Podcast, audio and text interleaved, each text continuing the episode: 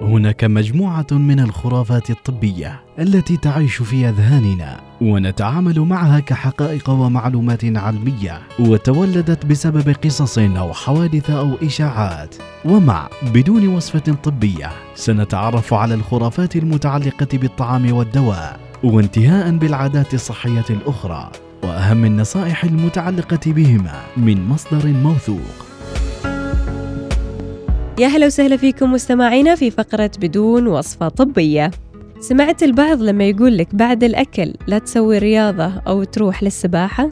خلنا نعرف تفاصيل هذه الخرافة. بدون وصفة طبية مع سميرة الفطيسية. يقول الدكتور أحمد محمد عبد الملك قد يؤدي الاستحمام بماء دافي إلى توسع الشعيرات الدموية قليلا بالجلد. نعم هذا صحيح لكن لا يؤثر على عمل المعدة وعملية الهضم والدم الموجودة فيها.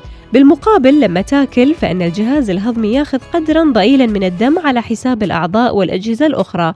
ومنها العضلات وهذا المقدار الضئيل لن يؤثر على عمل وكفاءة أجهزة الجسم الأخرى. إذا الرياضة بعد الأكل لن تتسبب بشد العضلات أو تسبب لك الغرق. الشد العضلي يحدث نتيجة الإجهاد العضلي الجفاف نقص المعادن بسبب بعض الأمراض وأدوية عسر الهضم وسوء امتصاص المواد الغذائية من الطعام. فالشد العضلي لها أسباب كثيرة ليس من بينها الرياضة بعد الأكل والواضح أن كل هذه الخرافات أطلقها شخص كسول جدا لا يحب الرياضة. مجموعة من الدراسات أشارت إلى فائدة الرياضة بعد الوجبات أولها دراسة نشرت في مجلة الطب الرياضي أشارت إلى أن الرياضة بعد ساعة من الأكل تخفض نسبة الدهون الثلاثية بالدم. ودراسة أخرى نشرت في المجلة البريطانية لطب الغدد أشارت إلى أن التمرن بعد الأكل يساعد في عملية نزول الوزن لأن الرياضة تزيد من إفراز الهرمونات التي تنظم عملية الجوع والشبع عند الإنسان. وأكيد الحين بعضكم يفكر ويقول إن من الطبيعي أن نجوع بعد الرياضة.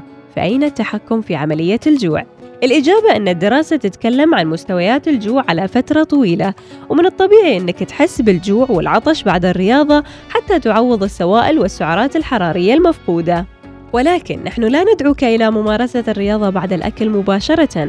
ولكن نوضح بعض المعتقدات الخاطئة اللي ممكن إنها تحبطك وتخوفك وتمنعك من ممارسة الرياضة. ليس من المهم حقا مناقشة أن تمارس الرياضة قبل الأكل أم بعد الأكل، فقط لا تخاف من ممارسة الرياضة، ومارسها بأي وقت تفضله بالوقت اللي يناسب جدولك ويومك. والمعلومة اللي لازم تعرفوها أن هناك أنواع قليلة من الرياضات التي لا ننصح بممارستها بعد الأكل مباشرة. أولها الرياضات العنيفة اللي تتضمن احتكاكا قويا مع المنافسين مثل الملاكمة والمصارعة.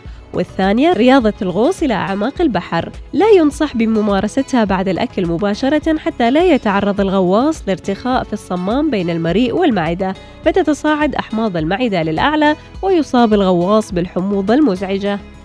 إذا بعد الأكل يمكنك عمل الرياضة والاستحمام في البحر وعمل ما تشاء دون أي خطورة أو مضاعفات طبية. كونوا بخير دايما والله يسلمكم من كل شر. بدون وصفة طبية. مع سميرة الفطيسية.